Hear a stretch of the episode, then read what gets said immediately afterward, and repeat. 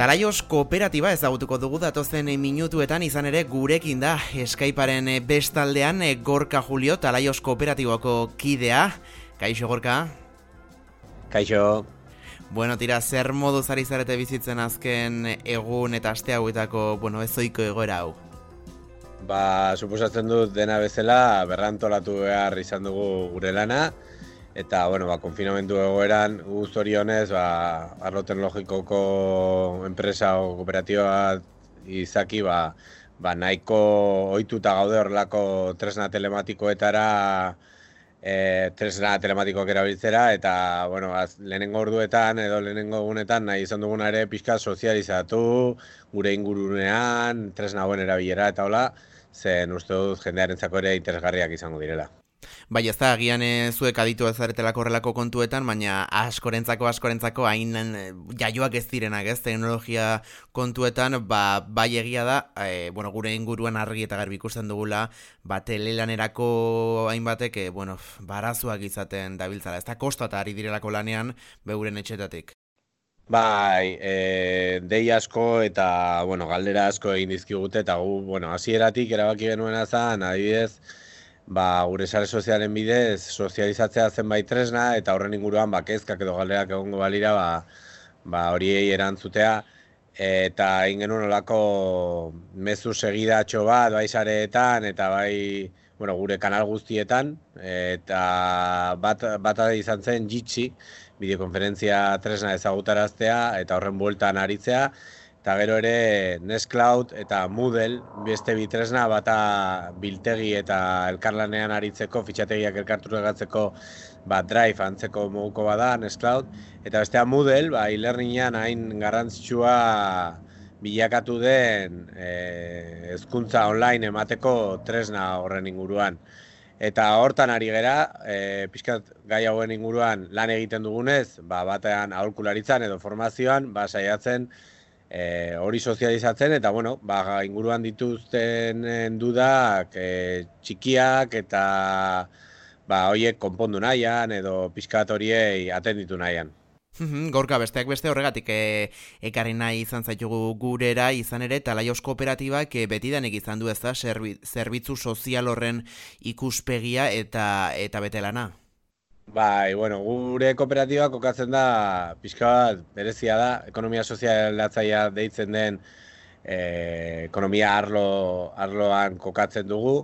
Horrek esan nahi duena da, ba, kooperatiba, instituzio demokratiko badela, e, langileen parte hartzea ziurtatzen dela, gardentasuna eta kudeak eta partekatua sustatzen dela, eta baita ere, ba, bai lanean ari garen ontzako, gure la, komunitatearen zako, eta bai jendarte osoarentzako, ba, ongia edo, edo komuna eraikitzeako e, helburuarekin jaiotako kooperatiba bat ere badela. Eta horri lotuta, ba, gure lanean, ba, software librea bultzatzen dugu, teknologia alik eta alik eta gehien e, sustatu, software libreko teknologiak, baina hortaz gain, ekarpen kolektibo edo komunitario bat egiteko helburua ere badaukagu. Hau da, gu gure lana badaukagu, bai, baina gero, ba, beste tresna eta egituretan ere saiatzen gara parte hartzen, ba, jendea laguntzeko. Kasu honetan adibidez, olatuko, gure ekonomia sozialatzeko sarean ere ari gara aztertzen egoera eta helburua da ba, enpresa batzuk e, finantziareoki eta beste behar batzuk ere egongo dira. Horiek atenditzen saiatuko gara era mutualista batean. E, baita ere beste kolektibo batzuei ba, teknologiarekin zerikusia daukaten beharrak asetzen laguntzen ari gera, adibidez, eh, badago kimen bat, e, aterako dena laster e, e, baserriko plaza deitutakoa, eta horre ere gure aletxoa jarri nahi izan dugu latuko, eta talaioz bezala, e, nekazariei ba, beren produktuak e, salerosteko erraztasunak emango dituen gugune bat izango da, Eta, bueno, ba, beti daukagu hori buruan, ez? Gure jardunak egiten gaitu eta gure jardunak ere beste ontzako ongia edo komun, komun horiek eraikitzen e, lagundu nahiko genuke batzutan, ba, publikotik atendituak ez daudelako, eta beste batzutan zigeitasun osoz gizartea gantolatzeko gaitasun, gaitasuna daukalako eta prestasuna daukalako. Eta hoxe, hoxe da gure bidea behintzat. Azkenean, e, zuena, talaios kooperatiba, e, enpresa bat, e, enpresa arrunt bat izatetik aratago ere ez, e, bueno, ba, behintzat eragile sozial moduan ere jarduten duzue, eta ipatu duzu, besteak beste, e, software librea. E, aski ezaguna da gaur egun, software librea, zer den behintzat, Hala ere, eh, ez dakite, bueno, ba, e, kalera irten eta jendeari software librea esatean, ba, ideia edo adibide asko kurrituko zaizkionik. Zergatik software librea, e, alde batetik, eta eta zergatik ez da hain ezaguna software libreak eskaintzen dituen zerbitzu horiek, bueno, ba, erritar, e, bueno, ba, ez hain adituen artean, gorka. Bueno, software libreak sustatzen duena da finean ezagutzaren partekatzea. Hau da, software bat garatu baldin da, zuk gero hori hobetzeko, kopiatzeko, baimen osoa daukazula, baita ere lokalizatzeko, hau da, euskeratzeko, edo egin nahi dituzun aldaketak egiteko. Gero hori norbaitek implantatu inbardu, jarri bardu makina batean, besteok funtzionatu izateko, ba, zerbitzu bat bezala, ez? Eta zerbitzu asko ja da software librean daude, naiz eta ez jakin incluso kapa ezberdinetan, ez? Adibidez, interneten azpiegituraren gehiengoa, zerbitzari horiek eta atzean dagoen softwarea, software librean dago. Egunero Google erabiltzen ari zenean, paradogikoki, e, naiz eta erabiltzen ari zaren parte hori ez privatiboa izan, hau da, enpresa batek kontrolatutakoa eta itxia, atzean, e, dagoen azpiegitura software librean funtzionatzen du. Eta Bai, hori kuriosoa da, baina hori esan imar da, eta hori izan zen, hasierako interneten sorreran e, lan egin zuten e, teknikari eta ingenariek espiritu horrekin ere egin zutelako, bere lana. Eta hortik arago, gero mugimendu bat ere ekitzen da, sobarribrea hori bultzatu nahi duena, eta sustatu nahi duena, eta horri esker adibidez, badaukagu WordPressa. WordPressa ezagutzen ez baduzue, da webuneak eh, sortzeko plataforma bat, eta CMS bat, eduki kudeak eta sistema deitzen zaio la teknikoki, baina berdin du, webuneak egiteko tresna bat, eta e, munduko webuneen euneko goita bosta, inguru, e, laur dena, nola baita, e, borobiltzeko, e, tresna horrekin egina da. Edo Moodle, Moodle tresna dela e-learning eta e irakaskuntzarako erabiltzen den e, unibertsitatetan eta hezkuntza mhm. sistema publikoan erabiltzen ari gara, hori ere software da. Edo komunikazioan darabilzkigun zenbait tresna, edo software librea dira, edo e, software libretik e, parte bat behintza badaukate. Adibidez, e, Telegram, e, bezeroa, oda, instalatzen dugun aplikazio txoa, hori software librekoa da, e, ez horrela zerbitzaria, zerbitzariaren partea ez da librea, baina, bueno, gero signal, adibidez, dala beste tresna bat, horrelako komunikazioak egiteko, e, WhatsApp edo Telegram antzeko bat, baina hori bai dala software librea, eta gainera, e, zifradoa edo enkriptazio mekanismo nahiko sendoak dituena. Eta orain, ba, e, konfinamentu egoeran, lehen aipatu izkizuetan zenbait tresna, ba, famatu egiten ari dira. E, famatu egiten ari dira eta bere erabilera demostratzen ari dira. Bata, oitako bada jitsi, horrela euskeraz, jitsi edo jitsi izango lizateke. bai. E, eta, bueno, hori da webune bat, edo baitare aplikazio bat badauka, eta bideokonferentzia, baina ez ba, e, binakako bideokonferentzia, baizik eta talekako bideokonferentziak egiteko aukera ematen du, hori ere software librea da. Eta e, edo nork sortu dezake e, gela bat, eta gainera ez du kontu bat eskatzen, hau da, zuk ez ez zertan kontu bat sortu behar, hor sartzeko mate dizute elbide bat, sartzen zera hor, eta listo, ja zaude, ba, bideokonferentzia dei horretan, audio eta bideoa partekatzen, eta zure lagunak ikusten. Ez bakarrik telenanerako, gu telenanerako sustatu dugu, baina, bueno, ikusi du jendea ja, kontzertuak egiten, beraien e, kuadrillarekin, e, e, poteo antzeko bat e, egiten, eta horrelako. Gitxiren bitartez, e, bai, entzulearen zat, J-I-T-S-I. Bai, Ni orain sartu naiz eh, interneten eta hemen jartzen duena da Start a Call. Hoxe da. bat hasi eta ez dugu gure daturik, gure informaziorik eman behar izango, agorka. Ez jarri izentxo bat, jarri salari, jarri izen divertigarri bat, ba, ez, kuadriakoa balitz, ez dakit, festapote, eh, gela sortzen duzu, eta eman, emango zenioke el bideo hori eh, zure lagunei, eta lagunak sartu, eta bere hor ikusten egon gozinean lagunak, eta beraiekin hitz egiteko aukera izango zenuke mugikorretarako bai imaginatzen dugu aplikazioa deskaratu beharko dela, ezta? Bai, justo sartzen zarenean eta mugikorretik sartzen bazera, abisatzen dizu Android edo iOSeko aplikazioa jaisteko eta bertatik e, sartzeko aukera daukazu. Eta oso tresna potentea eta demostratu du ba egoera hauetan oso oso erabilgarria dela. Eta bestea ere Nextcloud da. Nextcloud da e, fitxategia partekatzeko moguko zerbait, eta baita ere batzuetan e, editatzeko aukera ematen du. Eta da Drive, Dropbox, antzeko zerbait, baina hori kolaboratiboa dena. Nextcloud.comen sartzen bazea, badira zenbait horni izai eskaintzen ari direnak orain e, kontuak doainik, eta han euki dizakezu zure fitxategia beste jendearekin partekatu eta horrelakoak. Eta gero, tres naue guztia daukaten hona da, norbaitek zerbitzu hori montatu duela, baina zuek informatikari izatekotan jarri alko zenuketela zuen azpiegituratan, edo informatikari bat kontratatu eta teknologia enpresa bat, eta horren mantenua eramango duena, eta pixkat dena atonduko dena. Gu hortaz bizi gara, beraz, software librea ez da doainik, doainik ere izan daiteke, bai, baina gero ba, beste zerbitzu batzu, ba, asistentzia, formazioa, e, hori ondo atonduta, segurtasun kopiak eukitzea ere, ba, ba, hortaz ere zenbait kasutan ba, bizi gara. Baina, bueno, software libreak eskaintzen duen aukera da, zuk zeuk diseinatu eta eta montatu zenezakela, pertsonalizatu, egokitu, eta uste dut, une honetan, inoiz baino gehiago demostratzen ari dela garrantzitsua izan daitekela. Eta ez bakarrik softwarea. E, igual, salto egin barko genuke pixka gehiago, baina kontzeptu oso interesgarria da burujabetza teknologikoa. Gutala josetik sustatu nahi dugun e, kontzeptua da, baina da azken finean, azpiegitura telematiko, telekomunikazio azpiegituren kontrola ere nolabait, aldugun einean, publiko, kooperatibo, komunitarioa izatea ere. E, hau da, e, telekomunikazioak zerbitzu unibertsal bezala kontxiratu izatea eta gainea horren kontrola eskuratu izatea.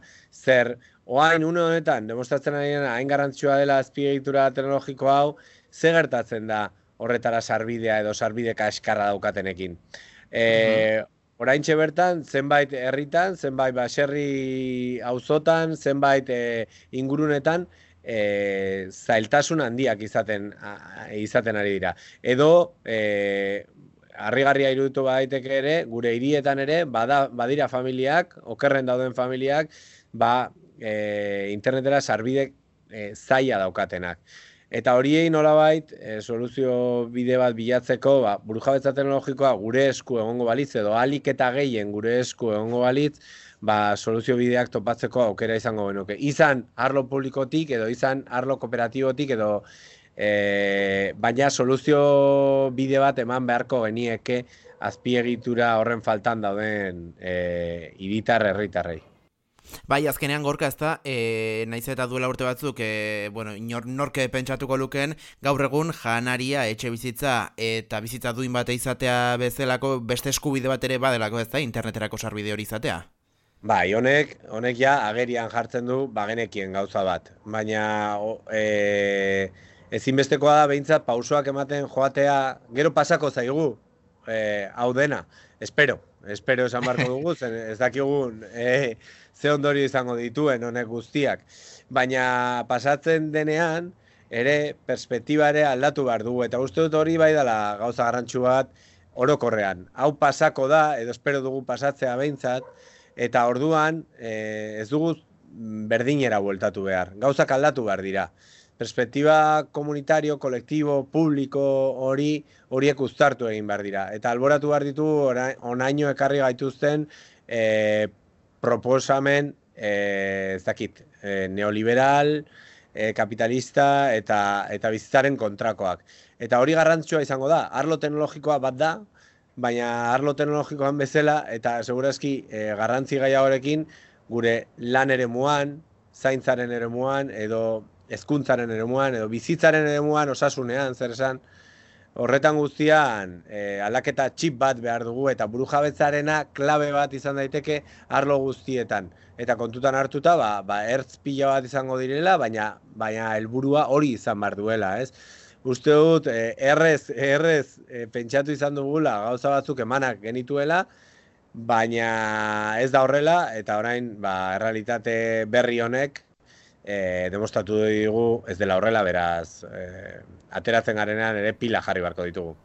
Bai, azkenan ez da, e, uste genuen e, gizarte egonkortu eta sendotu batean bizi ginela eta eta begira, eh, pandemia batek ez nolako, bueno, burua usteak eragin dizkiguten. Aizu gorka, e, aipatu duzu, niri harrigarria egiten zait, e, zuek kooperatiba bategi, bueno, izan da, eta mm, tira, ba, zuek ere jan beharko duzu, eta etxe bizitza duin bat izateko eskubidea ere baduzue, e, nola bizizarete do zertaz e, jaten duzu hilabete bukaeran, izan ere, e, beste enpresa gehienak esango nuke ez bezala, zuek zuen ezagutzak eta zuen e, bueno, ba, trukoak, e, ekarpenak, ba, dibidez, naiz erratian orain bertan egiten ari zarete, erabate doainik, e, zertaz bizi da, eta laios kooperatibako, bueno, kooperatibako bazkide zaretenok?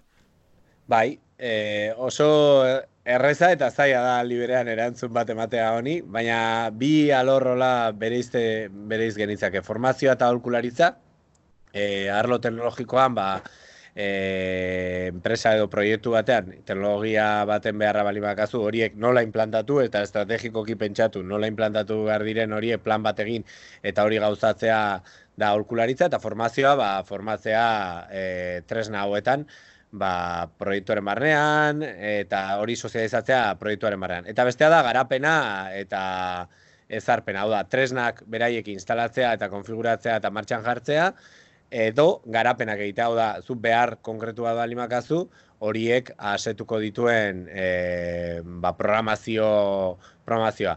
Hori gero, zertan zentratzen da, bai, ikastaroak, e, e, aholkularitza planak, e, webuneak, tresnen e, sorkuntza, eta horien e, ezarpena edo implantazioa. Hori da gure egunerokoa, ez dago sekreturik. Gu ordu batzuk dedikatu behar dizkiogu lan horiei guztiei, eta lan hori guzti, e, guzti hori saiatzen gara erremuneratua izaten aldela, zuk esan bezala, e, ba, bueno, irizpide ezperkarizatzaietan, batzutan zaila dena, baina, baina hor gaude. Eta ipatu duzu gorka noski, e, bueno, zuetako askok behintzate ohituak e, zaudetela, ez da, telelan honetan aritzea, e, kasu honetan zuen jardunak horretarko aukera ematen duelako? Bai, baina, bueno, adibidez, e, aurkularitza eta formaziotik, e, pixkat, jetxi behar dugu produkzioa, nola baita esateko, nahiz eta, adibidez, e, bide lagunak ere bagara, hau da, saiatzen gara, badaukagu, kolaboratzen dugu proiektu batean, deitzen denako fabrika, e, ekonomia soziala zaioko, edo proiektu berria dituzten jendeak kooperatiba bat, edo proiektu komunitario bat erekin nahi badu, saiatzen gara horiek laguntzen, formazio eta aholkularitza bidez, eta orain bide laguntzak egiten ari gara. Eta bide laguntza horiek, ba, bide laguntza da ba, proiektu horri laguntzea, ez? Dazkan beharretan eta badela e, ideia pixka lantzen, zenbakiak pixka begiratzen, eta horrelakoetan, bai? Orain hori, ba, egin bardu, telelan bidez egin bardu. Baina orokorrean, alor horretan, formazio eta aholkularitzan, bai jetxiko dala pixka lana, aldiz, garapenean eta ezarpenetan, lan, lan intensiboagoa egongo da segurazki egun hauetan zen beharrak ere e, aldatzen ari dira eta jendeak ikusi du digitalizazioa garrantzua dela eta ja e, eskari batzuk edo behintzat guretzako ere antolaketa atletik egin bar ditugun aldaketa batzuk ari gara egiten baina espero dugu eta hori espero da etorkizunean ere e, jendeak ba, gure beharra ere izatea orduan uste dugu alde horretatik lan gehiago ere aterako atera daitezkela. Orduan bi balantza balantzatu behar ditugu bi lerroak eta hortan ari gea. E, ikusiko dugu nola ateratzen garen hemendik, baina une honetan horrela da horrela dago egoera. Bai, espero dugu tira, ba, pandemia honek eta ezoiko egoera honek e, alik eta kalte gutxien eragitea zuenean ere.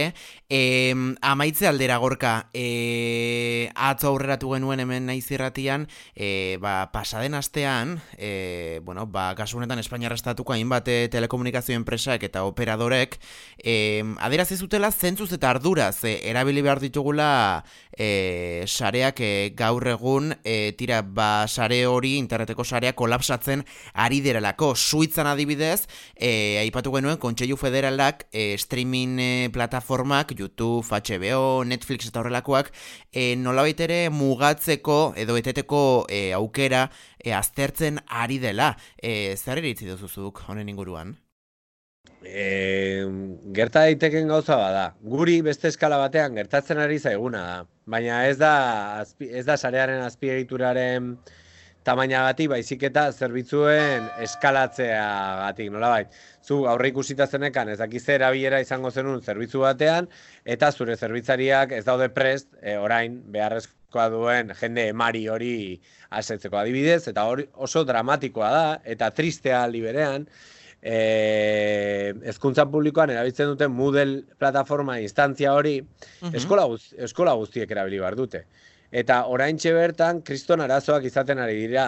Noiz, ba, goizean, jende guztiak konektatzen denean, ba, plataforma horrek ez dio eusten, eta e, pentsatu behar dugu, irakasle kriston esfortzua egiten ari direla, beraien, ba, beraien formazioak egokitzeko digitalera, baita ere aurretik formatuak izan direla, oda ikastarotan parte hartzen egon direla Moodle erabili eta nola erabili ikasteko, eta horiei ia, e, hau badakit denoi harrapatu gaituela e, pixka bat, e, ez, e, kontrapie edo esaten dena.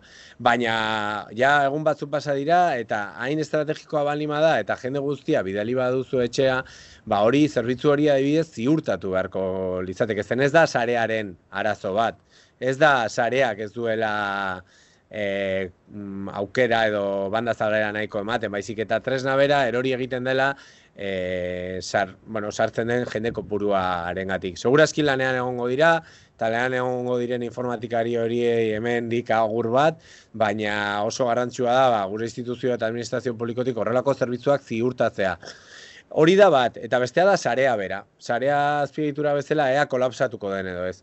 Ba, ez dakit kolapsatuko den, baina arazoak ja ikusten ari gara. Zenbait e, abiadura, bueno, abiadura pixkat geisten ari da, Netflixi eta horrelako streaming plataformei eskatzen ari zaie beraien kodeketa e, geistea. Nik horrela erabilera e, bakoitzak egin dezakenaz gain, bueno, beraiek ere erabaki batzuk hartu hartu ditzakete, eh? Ez, dakit kolapsatuko dena azkenean. Baina Netflixen adibidez, jaitsi daitezke e, zea kapituloak edo seriak, edota beste kanal batzuk edo torrentak erabiliz, torrente da teknologia bat aspali iguala, ja aztuta geneukana, horietako batzuk igual aztuta zuketen, baina gauza geisteko eta visualizatzeko e, egiten duena da banatu, ez? E, eta ez du e, zerbitzari bakar, e, bakar batetik tiratzen, hau da, denok egiten dugu nolabaiteko e, fitxategi hori jasotzeko helburuarekin egiten dugu lan, ez? Eta torrenta... Hori da, garaibateko ares eta emule eta hori eta... Bai, ah. Hori da, hori da, baina orain badaude asko zobeak. Osa, torrentaekin, incluso, ez, ia, ia, streaming, streaming abiaduran ikusi daitezke gauzak, eh? Orduan, ni erabiera, erabiera atletik, ba, bai, bakoitzak egin dezake eh, alduena, baina torrentak adibidez erabiltzea da bat, Netflixen e, deskargatzea edo, bueno, erabiltzen ditugun tresnetan, ba, pixka buruarekin jokatzea eta ez ibiltzea, bereziki bideoa da kargatzen duen azarea. Zen e, oso karga handia suposatzen du, orduan, streaming bideo bat e, kargatzen ari garenan, demora guztian dakagu kanal bat irikita, gainera hor, badago, trafiko bat ikusentzunezkoa dala, ba, handia, handia. Bueno, ba, pentsa, bakoitzaren esku ustea baino, nik uste ere, ba, administraziotik eta teleoperadoretatik e, ba, pixkat kontuz e, pentsatzen egon barko dutela zer egin. Hori bai, lehen aipatu duana, niri garrantzitsua iruditzen da kriterio unibertsal hori mantentzea. Hau da, denontzako murrizpenak egin behar badira, denontzako dira. Eta ez daukatenak horiei ziurtatu behar Hau da, kontrakoa. Ez da, deno, deno gelitzea gabe posible da, baina batzuek gabe gelitzea ez duke posible izan behar. Bai, hori da kriterio unibertsala. Denontzako antzeko edo berdin egitea, ekitate terminoetan. Eta hori segurazki ez da gertatuko. Zen plataformak eta teleoperadorek beren nola, murriztapenak ezartzen dituztenean ez dute neutraltasun hori mantenduko. Eta hori pena bada. Eta hori bereziki hori bai dala bereziki kontrolatu beharrekoa administrazio publikotik. Hau da, kriterio unibertsal horiek errespetatzen direla, denontzat. Gorka Julio, Talaios Kooperatibako kidea, benetan plazerrutxa, beste behin hemen naiz irratiko guinetan e, zu izatea, eskerrek asko, eta animo, bueno, ba, ezoiko egora honek irauten duen e, demora guzti honetan? Bai, e, bukatzeko gomendio txiki bat, e, bai. librezale elkarteak e, zabaldu du e, aipatu ditudan tresna askoren referentzia bat, eta labur.eus barra telelana, ba, labur.eus barra telelana, e, sortu dutola lotura azkar bat, ara juteko eta irratian kontatzeko aukera izateko. Ha, e, ana, ana aurkituko duzu, ba, aipatu ditudan tresna askoren e, referentzia. Uste dut interesgarria dela kontsultatzeko. Labur.eus telelana. Hortxe beraz e, gonbita mundu guztiak sarda dira hor eta bueno ba e, deskubri ditzala kasunetan e, bueno gitxi eta nesklaus bezalako ez? E, alternativa libre eta etikoak. Gorka eskerrik asko eta animo eh? Bai eskerrik asko zuei. Besarga handi bat agor. Aio